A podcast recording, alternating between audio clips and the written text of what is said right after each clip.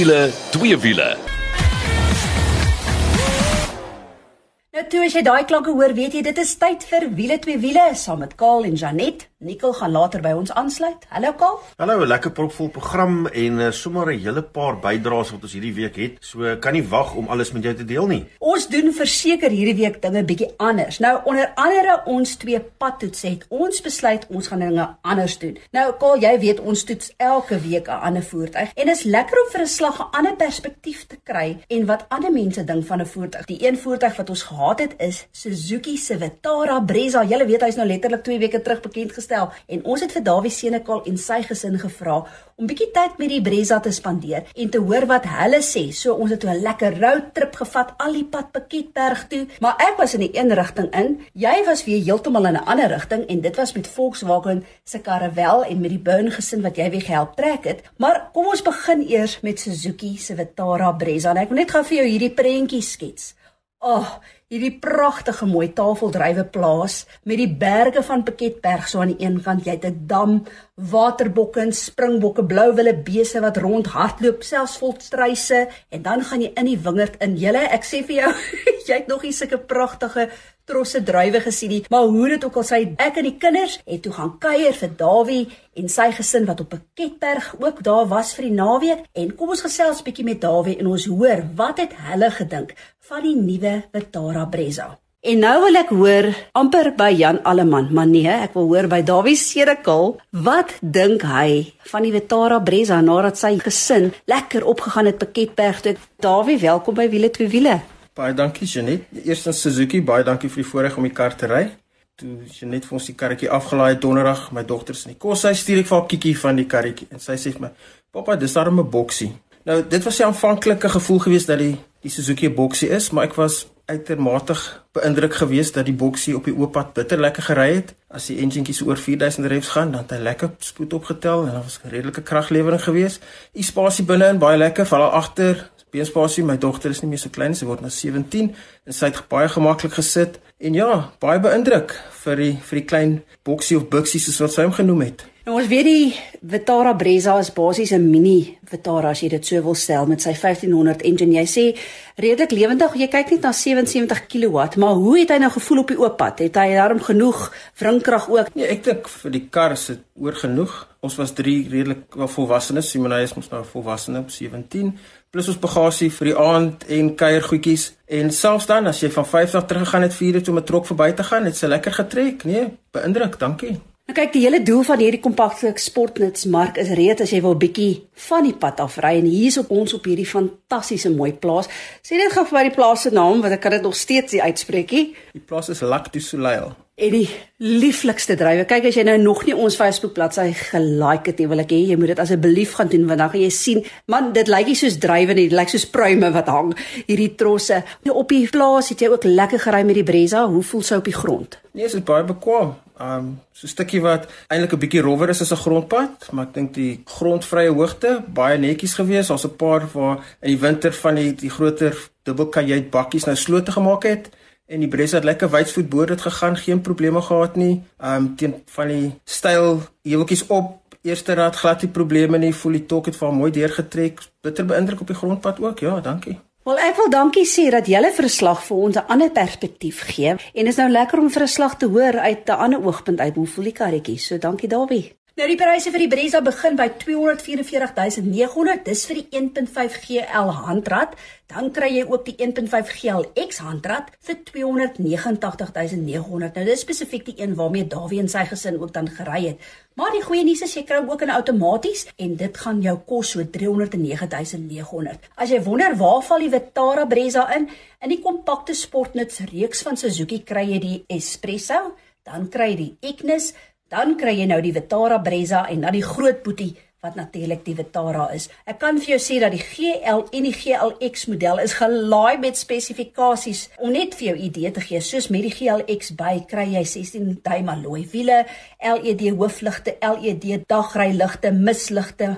Ag nee, die lys gaan net aan en aan. Onder andere jou 17 duim raakskerm met Apple CarPlay Android Auto. En ietsie wat ook uniek is vir hierdie segment, soos jou boonste paneelkussie kan byvoorbeeld koel cool raak want hy's gekoppel aan die lugversorging.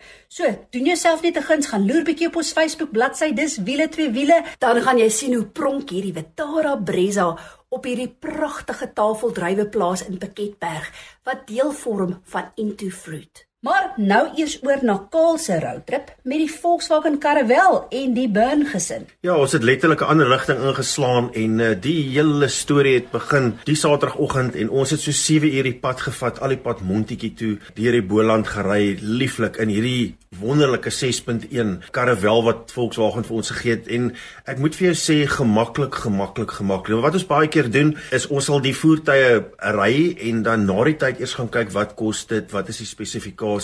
Net dat 'n ou nie uh, voor die tyd 'n indruk in jou kop het voordat jy nog die voertuig ervaar het nie. En ek moet vir jou sê Janet, was dit nie ongelooflik om so deur daai berge en goed te ry. Ons is deur die De Tooi Stoof tunnel. Ons het sommer besluit om Rossenwil om te ry, so ons het so boog rondom Woester gery en o, oh, Wat 'n lekker voertuig. En die beste van alles is is natuurlik sit jy baie gemaklik en jy kom nie agter dit is so groot kar nie. En dit kan ek vir jou sê is te danke aan 'n elektromeganiese stuurstelsel wat die gewone hidroliese een vervang. 'n Klomp voordele wat dit het. Um, jy het 'n beter gevoel oor die voertuig, soos ek sê, hy stuur baie maklik en dan uh, maak dit hom ook baie ligter op brandstof. Maar in uh, Montetjie aangekom, toets dit eers pak pak pak want hierdie hele burn gesin is toe nou op pad.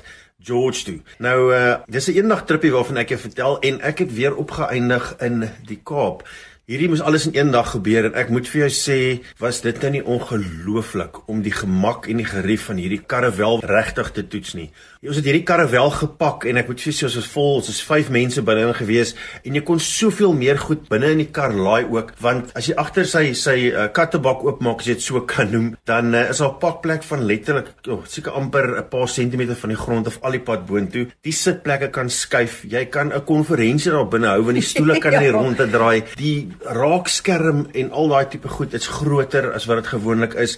Die lugversorger werk reg deur die kar, so elke reisitplekke het ook hulle eie lugverkoeling wat jy kan gebruik, 'n goeie klankstelsel. Ons het die heel pad musiek gemaak. Dit was nou regtig soos hulle sê 'n road trip. En ja, jy net daai enjin. Ek dink die enjin is 'n groot ding. Dit is 'n groot kar en toe ek sien hy, dis 'n 2 liter, tog ek mm, hoe baie krag kan dit nou weet miskien is dit 'n bietjie te min maar jy kyk na 146 kW jy kyk na 450 Nm wrinkrag met daai lieflike 7 spoed DSG radkas ongelooflike paring en joh um, ek kon net nie glo hoe lekker daai kar ry nie en ons is deur bergpasse dis mos maar tipies Kaap en uh, ja dit lieflike ervaring en dis natuurlik Volkswagen se karre wel jy weet dis interessant ook Toe Dawie nogal vir Jan is nou my een seentjie vra, hoorie so, wat is uit die perfekte familievoertuig? Wat sê hy? Volkswagen Caravelle. Ek sê vir jou, dit voel soos 'n sitkamer op wiele. Nou toe, as jy wil sien hoe lyk hierdie Volkswagen Caravelle, hy's so pragtig, man, hy's hierdie twee kleure Hulle noem dit mos die two-tone kleur wat hy is. Ek was mal oor die kleur ook. Gaan loer bietjie op ons Facebook bladsy. Maar kaal pryse. Ja, jy gaan uh, oor 'n miljoen rand moet uithaal. Is 1.149 miljoen om die waarheid te sê om hierdie sal ek sê vliegtyg sonder vlerke want jy vlieg of uh, skus tog ry definitief in besigheidsklas as jy met hom toer. Maar moeilik om te sê ek het nie daai tipe geld nie, maar ek dink is elke sent werd. Nou ja, nou is dit eers tyd vir ons wenk van die week en Nicole gesels vandag oor 3 silinder petrol engines en uh, hoe ekonomies hulle is. Nou Nicolas sien dis al baie 3-silinder petrol engines op ons paaie, maar gee vir ons bietjie agtergrond. Ja, Tenet, ons sien op die oomblik baie 3-silinder engines daar buite van al die vervaardigers. En uh, as ons kyk na die kapasiteit van die engines, is dit so almal so hier by 1.6, 1.5 en dan selfs kleiner. En uh, kom ons kyk gou hoekom kry ons so baie 3-silinder engines op die oomblik? Nou die optimale kapasiteit per silinder um, wat hulle al uitgewerk het oor jare en ingenieurs bepaal dit is hier rondom die 500 cc per silinder. So dis hoekom 'n mens kry byvoorbeeld 'n 6 silinder wat 3 liter is, 'n 4 silinder wat 2 liter is en dan nou deesdae hierdie 3 silinders wat baie naby aan die 1.5 liter kapasiteit is. So dit is omtrent jou optimale as dit nou kom oor benuttingsgraad, efficiency, uh brandstofverbruik, kraglewering en so aan. Verliese om min te hou en so aan dan kom ons so by 1.5 liter vir 'n 3 silinder. En nou wat hulle deesdae natuurlik 'n uh, turbo engines het en daai enjintjies al hoe kleiner begin raak, uh, lyk dit vir my of die 3 silinder nou baie gewild raak. Maar wil sê vir my, hoekom gaan mens dan nie na 2 silinders toe as jy 'n 1 liter engine het nie? Kaal so die rede hoekom die engines dan by 3 silinders bly, selfs as die kapasiteit nou afneem na 1 liter en selfs na 0.9 liter soos ons weet daai Renault engine is. Die rede daarvoor is dat 'n 2-silinder engine sal net te veel vibrasie hê. So met 'n 3-silinder is natuurlik jy het nog steeds meer vibrasies as op 'n 4-silinder, maar dis heelwat beter as 'n 2-silinder. En hou ons nie almal van daai klank wat 'n 3-silinder enjin maak nie. Dit klink mos so amper soos 'n halwe V6. So dit gaan meer oor balans en uh, dan ook die gerief om nou daai enjin te ry dat hy nie heeltemal altyd daai vibrasies deur die kar stoot nie en dan ook natuurlik oor die mooi klank wat hy het dit is ook natuurlik 'n goeie ding. Nou, julle albei weet hoe hou ek van krag. Nou is my vraag, kan mens regtig ordentlike krag kry te 3 silinder? Toe net ja, dan met turbo aanjaag kan jy baie doen selfs met 'n klein enjintjie. En nou wil ek vir jou 'n voorbeeld noem. Ons almal wag in spanning vir Toyota se GR Yaris en daai karretjie het 'n 1.6 liter 3 silinder met hoor hierso 192 kW. Is dit nou nie te versmaai nie? So ja, nee, 'n uh, 3 silinder turbo enjintjie kan vir jou genoeg krag maak. Baie fabrikante maak nou 1.5 of 1.6 3-silinder engines. Nou uh, wil ek weet, deel die fabrikante dan nie hierdie engines nie, Nicole? Kaal so die storie dat uh, vervaardigers engines deel kom nou al 'n lang pad.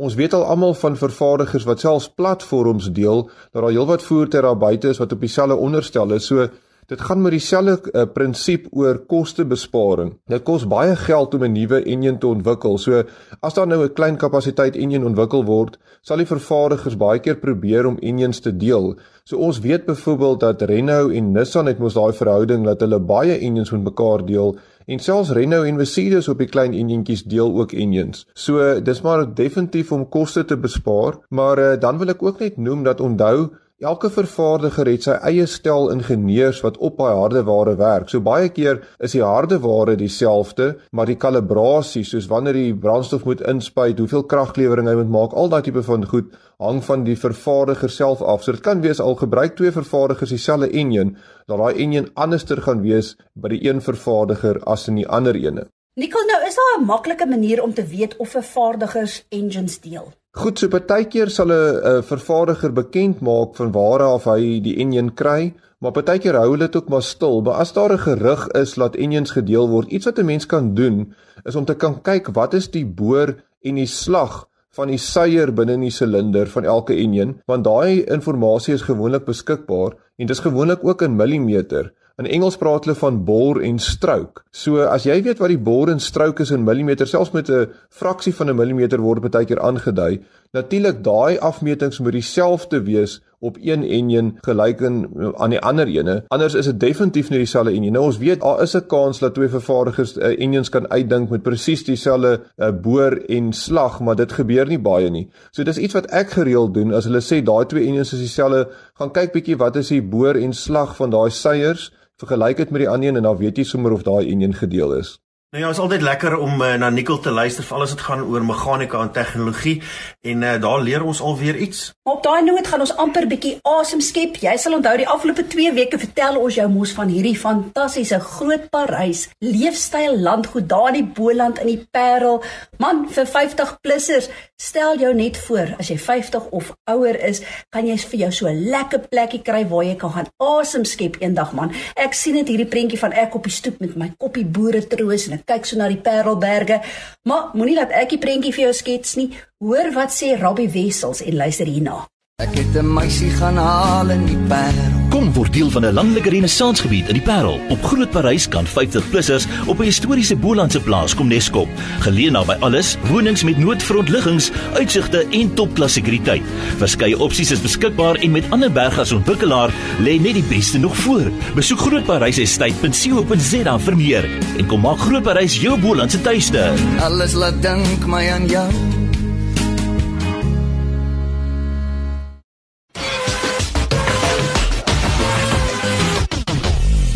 Ja, en as jy 'n vlekvrye stal uitlaatstelsel soek al uh, as jy hom wil stilhou of as jy so 'n bietjie weer jou kar moet praat, moet jy definitief 'n draai gemaak by Powerflow Belwel. Hulle kyk na alles wat jy nodig het. En uh, weet jy wat, dis nie net 'n jaar waarog nie, dis sommer 5 jaar. So 'n uh, vir beter werkverrigting, brandstofverbruik en al, Bellflow Bellville, dis die plek vir jou. En is so maklik soos www.bellflowbellville.co.za. As jy nou net ingeskakel het, dis wiele, twee wiele saam met Janet en Kaal. Maar nou is dit eers tyd vir twee wiele en ons gaan 'n bietjie gesels met Clinton Pinaar. Ja, ons gesels met Clinton Pinaar al die pad daar uit die Parel uit en uh, as ons met hom praat, dan moet jy weet dit is Oranje en dit is KTM want uh, hy is daar doenig en hy het baie goeie nuus vir ons. Daar's 'n splinte nuwe KTM op pad wat in April bekend gestel gaan word en dit sal bekend staan as die KTM 1290 Super Adventure S en R. So hallo Clinton, ag, is lekker om 'n slag weer met jou te gesels. Hi Janet, hi Kaal. Ja, dit is lekker om weer hier saam met julle te wees. Maar kom ons begin net eers by die Superbike tydskrif.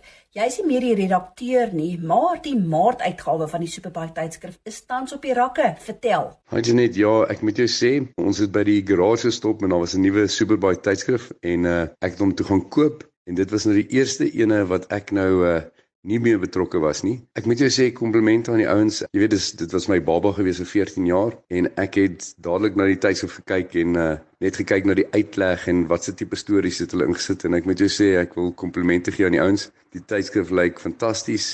Iets wat interessant is, jy het my gesê jy wil my vra oor die nuwe 1290 en dis eintlik die hoof storie in hierdie tydskrif. So dit is die maart uitgawe van Superbike en hulle praat oor die 1290S. Maar Clinton die KTM 1290 Super Adventure S is op die voorblad van die nuwe Superbike tydskrif. Wanneer kan ons hom in die land verwag? Wel die goeie nuus is dat die die launch van die twee modelle, die 1290S en die 1290R gebeur hierso by die 12de April en ons gaan dan as al die handelaars gaan ons dan die 14de 15de laat ons die fietses vir die eerste keer ry en dan die goeie nuus gaan al die handelaars op hulle eie die 17de daai Saterdag jy waarskynlik 'n reveal doen of 'n launch en uh, ons het nogal iets spesiaals uh, in plek vir uh, daai Saterdag die 17de April. Onthou die 17de April wanneer al die KTM handelaars 'n onthulling gaan doen van die nuwe KTM 1290, maar vir diegene wat so gelukkig is om in die Kaap te bly, vertel ons bietjie wat beplan KTM Parel vir die 17de April. Wel terwyl ons hier in die Kaap is en daar soveel wynplase, die Anure wynplaas het nogal 'n baie bekende plek waar baie mense vir rider training gaan en hulle doen 'n hele klomp launches. So ons het nou met die ouens gaan praat. Die hoofeienaar daar, Time and Rain, in elk geval 'n 1290R en ons het hulle vra of ons die Kaapse launch daar kan gaan hou. So op die 17de April gaan ons obviously nou met COVID en goed kan ons nou nie klomp klomp mense daar hê nie, maar ons gaan eh, 'n uh, paar select mense uitnooi en ons gaan die eerste reveal doen van hierdie nuwe 1290S en die R model by Anura. So Clinton, vertel vir ons so 'n bietjie wat is nuut op hierdie nuwe KTM 1290 modelle? Wil ek met julle sê, kom ons begin sommer by die engine. Die engine het nie baie verander nie, alhoewel dit is nou uh, Euro 5 compliant en goed. En uh ek het al in die verlede gesê en dit is lank voordat ek vir KTM gewerk het, dat die 1290 engine of die 1301 cc engine is vir my een van die wonderlikste motorfiets engines wat daar is want hy het al die lae ehm um, wringkrag wat jy by lae revolusies kry en dit maak dit net ongelooflik maklik om te ry met so 'n fiets. So die engine bly omtrent dieselfde, maar dit is nou Euro 5. Dan het hulle so 'n klomp dinge verander want jy weet soos wat hulle het met die 790S is die die tank lê baie laag op albei kante van die fiets en dit help baie met die gewigsverspreiding. En op hierdie nuwe fiets kan jy sien die tanks hou baie laag, maar dit lyk nie so lelik. Ek hou persoonlik nie baie van hoe dit lyk op die 790 nie. Dit lyk vir my te vet en hulle het nou by die 1290 gemaak dat hy uh, die fiets lyk nie so vet nie. So ek is bly daaroor. Die suspensie het ook verander op die twee modelle. Vertel vir ons meer. Ja, kyk met die twee fietses, die S en die R, is die suspensie heeltemal verskillend van mekaar. Op die S, dit is obviously nou meer 'n fiets vir die pad, so hy hy kom uit met magwiele alhoewel mense nou kan speke aanvra, maar daai fiets kom nou met die 19 duim en die 17 duim wiele voor en is ook elektroniese suspensie wat jy kan stel. So as jy op jou eie ry kan jy die gewig verstel net met 'n knoppie, dan as jy twee mense is of twee mense met bagasie. So dit is een van die lekkerste toerfietsse wat jy kan ry en hy het 'n groter windskerm. Maar dan op die R model het hulle weer die WP suspension, maar jy stel dit manually en uh, die interessante ding is hulle die um, swing arm langer gemaak en hulle die um, rake and trail bietjie ingebring en en met die tanks wat so laag is ek het nou self nie die fiets gery nie maar ek het al met oorseese joernaliste gepraat wat met die fiets gery het hulle, reken die die gewig voel alhoewel die fiets is nie ligter as wat die uitgaande fiets is nie. Voel hy terwyl jy ry, sê hulle dit voel sommer soos 'n 20 kg ligter fiets en hy draai sommer makliker ook. So ek sien nogal baie uit om om vir die eerste keer te ry. Ja, kyk, ons toets ontsettend baie uh, karre met soveel tegnologie en goed in, maar lyk like my die motorfiets is nou besig om baie vinnig op te vang. En hierdie nuwe KTM modelle, kry jy nou adaptive speed control en dis ook een van die redes hoekom die ligte anders lyk. Vertel so 'n bietjie meer. Ja, dit is nou iets nuuts wat hulle op motorfietsse sit. Al die luxe Mercedes-Benz en Audi en um, BMW karre kom al daarmee uit. Hulle noem dit adaptive speed control. En wat dit is is jy kan sê net maar jou speed control stel op 120 of 130 km/h en dan terwyl jy ry, as jy agter op 'n kar afkom, gaan hy dan outomaties daai distansie kan beheer en die fiets sal of stadiger eh, begin ry, maar als outomaties. En as jy dan uittrek, dan sal die fiets begin outomaties weer vinniger ry. Dis weer een van hierdie elektroniese goed wat dit net die ry ry makliker maak. Kyk, motorfietsse raak nou so gevorderd, veral met hulle inligtingstelsel en elektronika. Maar wat is nou nog nie?